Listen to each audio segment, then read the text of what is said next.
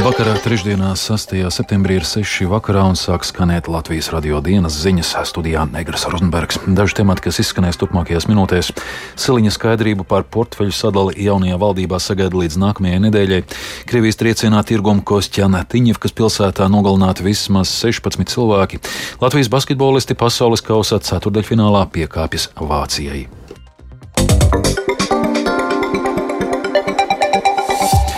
Valdības veidošanas sarunas turpinās, lai nākamo ministru kabinetu balsojumā saimā apstiprinātu 15. septembrī. Premjeras amata kandidāte Evika Seliņa no jaunās vienotības gan pašlaik vēl atturas komentēt politiskiem spēkiem potenciāli iedalāmās atbildības jomas, bet kandidāti būšot visām no tām. Viņa sola nekavēties nosaukt nākamās valdības sastāvu, ko līdz par to būs visi lēmumi. Tikmēr pārējie valdību veidojušie spēki uzsver koleģialitāti, kādā noritā gatavošanās darbam valdībā un noliec domstarpības šajā procesā procesā. Par šodien pārunāto Jaņa Kīņša sagatavotajā ierakstā. Skaidrībai par nākamajiem nozaru ministriem jābūt jaunadēļ, kad plānots tik līdz balsojumam saimā par nākamo valdību. Līdz tam premjeramata kandidāte Evika Siliņa sola viest skaidrību šajā jautājumā. Tā kā viss izskanējušās baumas ir baumas, mēs šobrīd strādājam, lai tiešām 15. septembrī varētu būt balsojums saimā. Atbilstoši Latvijas radio rīcībā esošam valdības sastāvu piedāvājumam, jaunā vienotība uzņemtos atbildību par premjera, kā arī finanšu, ārlietu, ekonomikas, tieslietu, izglītības un zinātnes, klimata un enerģētikas, kā arī iekšlietu ministra amatiem. Vairums nosaukto pozīciju jau ir jaunās vienotības pārziņā jau līdzinājā valdībā, un ministri tajās nemainītos. Tagadējais premjerministrs Krišjāns Kariņš nav slēpis, ka varētu būt nākamais ārlietu ministrs, bet jaunās vienotības pārziņā klāt būtu arī ekonomikas un iekšlietu ministriju vadība. No Zaļo un Zemnieku savienības kā otras lielākās frakcijas varētu izraudzīt nākamo saimas priekšsēdētāju. ZZS nenoliedz interesi uzņemties pilnvaras pirmkārt zemkopības ministrijā, kā arī vidas aizsardzības un reģionālās attīstības ministrijā, labklājības ministrijā, arī kultūras ministrijā. Komentējot pēdējo, ZZS viens no līderiem Augusts Brigmans kā būtiskus atzīst izaicinājumus saistībā ar sabiedrisko mediju apvienošanu. Savukārt progresīvie varētu būt atbildīgi par aizsardzības, veselības un satiksmes ministriju. Gan par kultūras, gan par satiksmes ministrijas vadību interesi ir gan ZZS, gan progresīvajiem. Vai šajā jautājumā jau ir vienošanās, atbildēt nesteidz ZZS viens no līderiem Viktors Valainis. Vispārējais darbs pie deklarācijas turpinās. Potenciālajie koalīcijas partneri viens otram jau kopš jūnija kritiskus vārdus nav veltījuši. Vispirms deklarācija un tad darbu darītāji. Šādu principu atbalstot visi sarunās iesaistītie. Es neatceros, kad būtu bijis šāds darbības princips brīdī, kad ir izveidojušās valdības aprises. Sarunās par valdības deklarāciju primārajie uzdevumi tuvākajiem mēnešiem ir nākamā gada valsts budžeta sagatavošana ar izaicinājumiem veselības, izglītības, drošības un citās jomās, kā arī risinājumi elektroenerģijas sadalījuma tarifu lēznākam kāpumam un jautājums par augstajiem kredītprocentiem bankās. Jānis Kincis, Latvijas Radio. Partija gods kalpot Rīgai lēmusi sadarboties ar topošās valdības koalīcijā potenciāli pārstāvēto Zaļo un Zemnieku savienību. Turklāt kopā plāno arī startēt pēc diviem gadiem gaidāmajās Rīgas domas vēlēšanās. Ko sadarbība nozīmēs, stāsta pie saimnes frakcijām nepiedarošais deputāts partijas gods kalpot Rīgai priekšsādātais Oļeks Burovs. Tas nozīmē to, ka man ir pilnvarojums balsot par valdību, kā 53. deputātam nākamnedēļ droši vien saimas sēde. Bet kā vēl šī sadarbība 14. saimas pilnvaru laikā varētu izpausties? Savi balsojumi sinhronizēju ar balsojumiem ZZS frakcijas. Ja būs principiāli jautājumi, ja viedokļi atšķiras, tad šo es izrunāšu atsevišķi ar frakciju. Nu, tādā veidā es arī darbojos iepriekšējā frakcijā Latvijā pirmā vieta. Par citām vēstījumiem Saimas ilgtspējīgas attīstības komisijā centrālais sarunu temats šodien bija sadalis tīkla augstie tarifi. Par pieauguma pamatotību pārliecināt visus deputātus neizdevās, lai gan regulators tos bez iebildēm ir apstiprinājis. Saimas deputāti no partijas progresīvi un bijusī konkurences padomjas priekšsādātājs Skaidrīta Ābram izteicās, ka monopolu uzņēmuma tarifus nav viegli izvērtēt. No ārpuses, protams, deputātiem un pat, man liekas, arī regulātoriem es nezinu, cik vienkārši saprotam to izvērtēt, bet, nu, ņemot vērā, ka es strādāju iestādē, kur mēs arī ļoti esam daudz vērtējuši izmaksu pamatotību. Un šeit tās izmaksas Latvijā reāli nevar ko salīdzināt, jo sadalījums tīklī nu, ir vienīgie. Un tāpēc es domāju, ka te būs ļoti interesanti salīdzinājums Baltijas valstīs vai Baltijas valstīs, Lietuvā un Igaunijā. Tiek izmantota līdzīga metodika un kas tur tiek likts iekšā. Vairāk nekā 160 40 tūkstoši Latvijas iedzīvotāji pašlaik ir atzīti par tā sauktiem aizsargātiem lietotājiem, kas par elektrību saņem atbalstu. Masturīgajiem un personām ar invaliditāti tie ir 20 eiro mēnesī, bet daudz bērnu ģimenēm 25 eiro.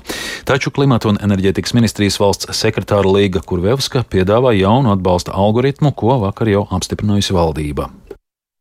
Gadījumos, kur mums ir ārkārtas cenu pieaugums elektroenerģijā, dabasgāzē vai siltumenerģijā, ministru kabinets var iedarbināt šo atbalstu sistēmu, kas tad būtu mērķēta sistēma un attiecināta uz visiem tiem mājasemniecību lietotājiem, kuriem enerģijas produktu izmaksas ir sastāvdaļa vismaz 30% no viņu oficiālajiem ieņēmumiem, un kas attiecīgi ir pakļauti daudz sāpīgāk lielām svārstībām.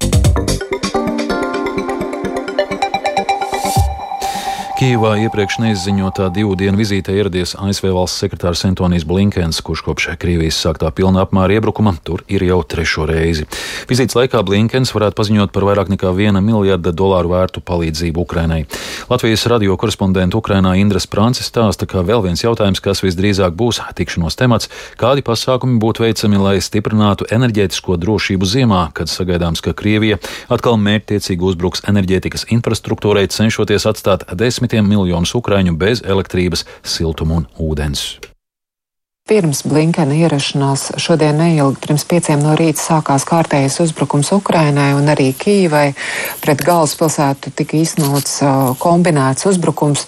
Kopumā Krievija šonakt pret Ukrainu vērs uz septiņas raķetes, vienu balistisko raķetu Iskanderu un 25 šahed dronus.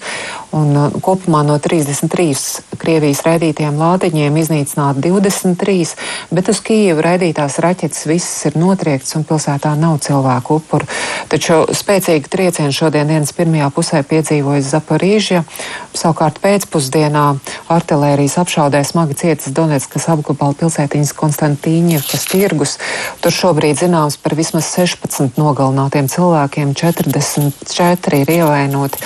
Tas ir tas, kas uz šo šobrīd ir zināms. Nu, savukārt Kīvā kopš rīta gaisa trauksmes nav bijušas jauni uzbrukumi un ASV augstās amatpersonas vizīte Kīvā var turpināties mierīgos apstākļos.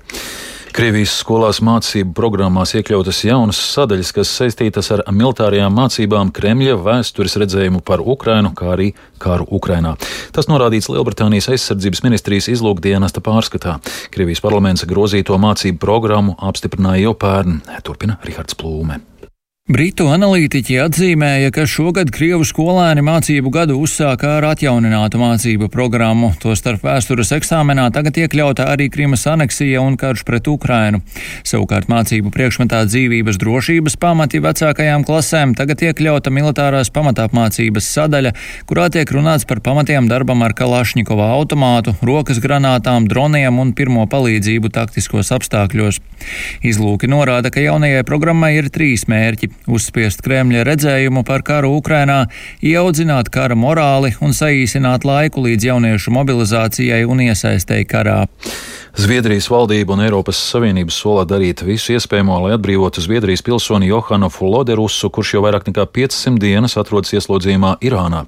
Brisele sākotnēji atteicās apstiprināt mediju ziņoto par Floderusa ieslodzīšanu, taču vakar bloka ārlietu vadītājs Žuzeps Borels to beidzot apliecināja. Katru reizi, kad mums ir jebkāda līmeņa diplomātiskās sanāksmes, mēs šo jautājumu liekam galdā. Mēs esam neatlaidīgi strādājuši, lai panāktu Floderusa kunga atbrīvošanu. Un mēs turpināsim to darīt ciešā kontaktā ar ģimeni, respektējot viņu gribu un, protams, ar Zviedrijas valdību. Šis jautājums ir mūsu darba kārtībā, mūsu sirdī, un mēs neapstāsimies, kamēr Floderusu neatbrīvos. Nākamgad jāsāk šķirot bioloģiskie atkritumi, kartupeļu mizas, novītuši ziedi, tējas un kafijas biezumi, nopļauta zāle. Tas viss īpaši Rīgā visbiežāk nonāk atkritumu konteineros kopā ar citām lietām, kas dabā nesadalās. Bet no nākamā gada tā vairs nevajadzētu būt, jo bioatkritumu šķirošana kļūs obligāta visā Latvijā. Tā šodien savā atkritumu poligona teritorijā sasauktā preses konferencē paziņoja uzņēmumā Getliņa Eko, Rīgas domas un nam īpašuma apsaimniekotāju pārstāvji uzsākot vērienīgu bioatkritumu šķirošanu apkarošanas kampaņu Uzliec brūno. Pasākumā klāt bija arī kolēģi Ieva Puķe. Dzeltenais papīram, plasmasai un metālam, mazais zaļais stiklam, lielais zaļais citiem sadzīves atkritumiem, bet mazais brūnais bioloģiskajiem jeb organiskajiem atkritumiem. Šādai konteineru rindai no nākamā gada būtu jāatrodas katra ekoloģiski atbildīga cilvēka pagalmā. Brūnie konteineri ir pieejami jau šobrīd, taču nav pietiekami populāri. To uzskatām var redzēt Getliņa izgāstuves teritorijā Rīgā, kur pavisam neliels bioloģisko atkritumu kalniņš gaida papildinājumu tālākai pārstrādei. Bioloģiskos atkritumus no citiem pašlaik nošķir tikai ceturtā daļa Latvijas iedzīvotāju. Tā liecina Getliņa eko un tirgus izpētes kompānijas Norstata veiktais pētījums. Apsaimniekošanas uzņēmuma Rīgas nama pārvaldnieks valdes priekšsēdētājs Māris Ozoliņš atklāja, kāpēc tas tā. Neredz vajadzību šķirot, nav tāda ne ekonomiskā pamatojuma, ne arī tāda nu, piespiedu kaut kādas pātagas. Tas ir viens, un otrs, nu, jā, nu, nav vienkārši iegājies tā, droši vien. Bet uh, smaka vai žurkas vai kaut kas tāds? Nu, žurkas nē, nu, tā jau konteinerā žurkas netiek, bet smaka, jā, bet smaka ir saistīta ar to, cik bieži viņas izved. Un tajā mēs nonākam pie tā, lai izvestu biežāk, ir jābūt lētākai izvešanai. Bioloģisko atkritumu izvešana ir par 20% lētāka nekā parasto, bet arī tā iedzīvotājiem pagaidām nesot pietiekoša motivācija. Vai ir paredzēti arī sodi, ja no 2024. gada arī bioloģisko atkritumu šķirošana kļūs obligāta katram, ja daudz cilvēki pagaidām nešķiro arī citus atkritumus? Jautāju Rīgas domas deputātei Mairitai Lūsei no progresīvajiem, kas arī piedalījās kampaņas uzliec brūno atklāšanā. To mēs vēl neesam plānojuši veikt. Pagaidām mēs ejam šajā burkāna virzienā. Tikmēr Getliņos, kas ir lielākais sadzīves atkritumu poligons Baltijas valstīs, vidēji gadā nonāk ap 280 tūkstošiem tonu nešķirot sadzīves atkritumu, un augstākais kalns Rīgā, ko veido šī izgāstuve, jau sasniedzis 52 metrus virs jūras līmeņa. Ieva Puķa, Latvijas radio. Un vēl par sportu. Latvijas vīriešu basketbola izlase šodienā Manilā pasaules kausa fināla turnīra ceturdaļfinālā diemžēl zaudēja Vācijai ar rezultātu 79-81.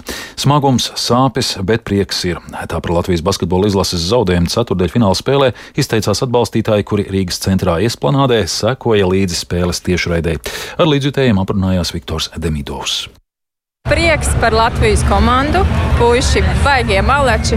Mazliet, mazliet pietrūka. Nekas nākamreiz. Es esmu ļoti lepns par mūsu izlasi. Viens cukurgraudiņš, un mēs būtu pusfinālā.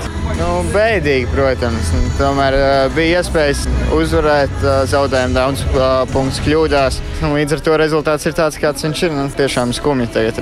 Ārkārtīgi patika. Viss bija labi, viss bija, bet nu, vienkārši žēl, ka Latvija nevinēja atkal. Žēl mūsu Latviju.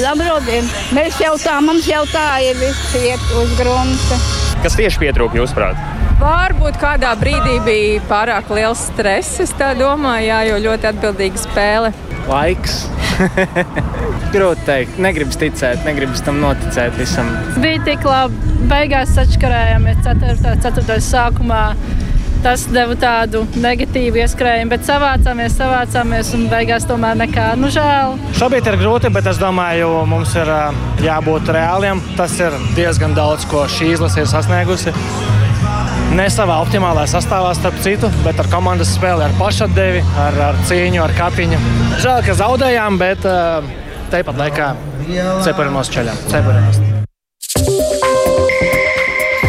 Izskan Latvijas radio dienas ziņas producents Edgars Kopčs, ierakstus montēja Renāšu Šteimanis par labskaņu rūpējās Iveta Zvēniece, studijā Egars Rozenbergs. Vēl tikai par laikapstākļiem. Yeah. Šobrīd galvaspilsētas centrā 18 grādi pūš lēns ziemeļu vējš, atmosfēras spiediens 773 mm, relatīvais gaisa mitrums 63%. Kāds laiks gaidāms turpmākajās dienās prognozē Toms Brīsis. Tuvākās divas naktis būs dzestras, ceturtdienas agrā rītā temperatūra noslīdēs līdz 4,9 grādiem, piekrastē 10,12 grādiem, savukārt dienā gaisa iesils līdz 16,21 grādam. Arī piekdienas rīts vēss, minimālā temperatūra 5,13 grādi, bet dienā jau 18,23 grādus silts.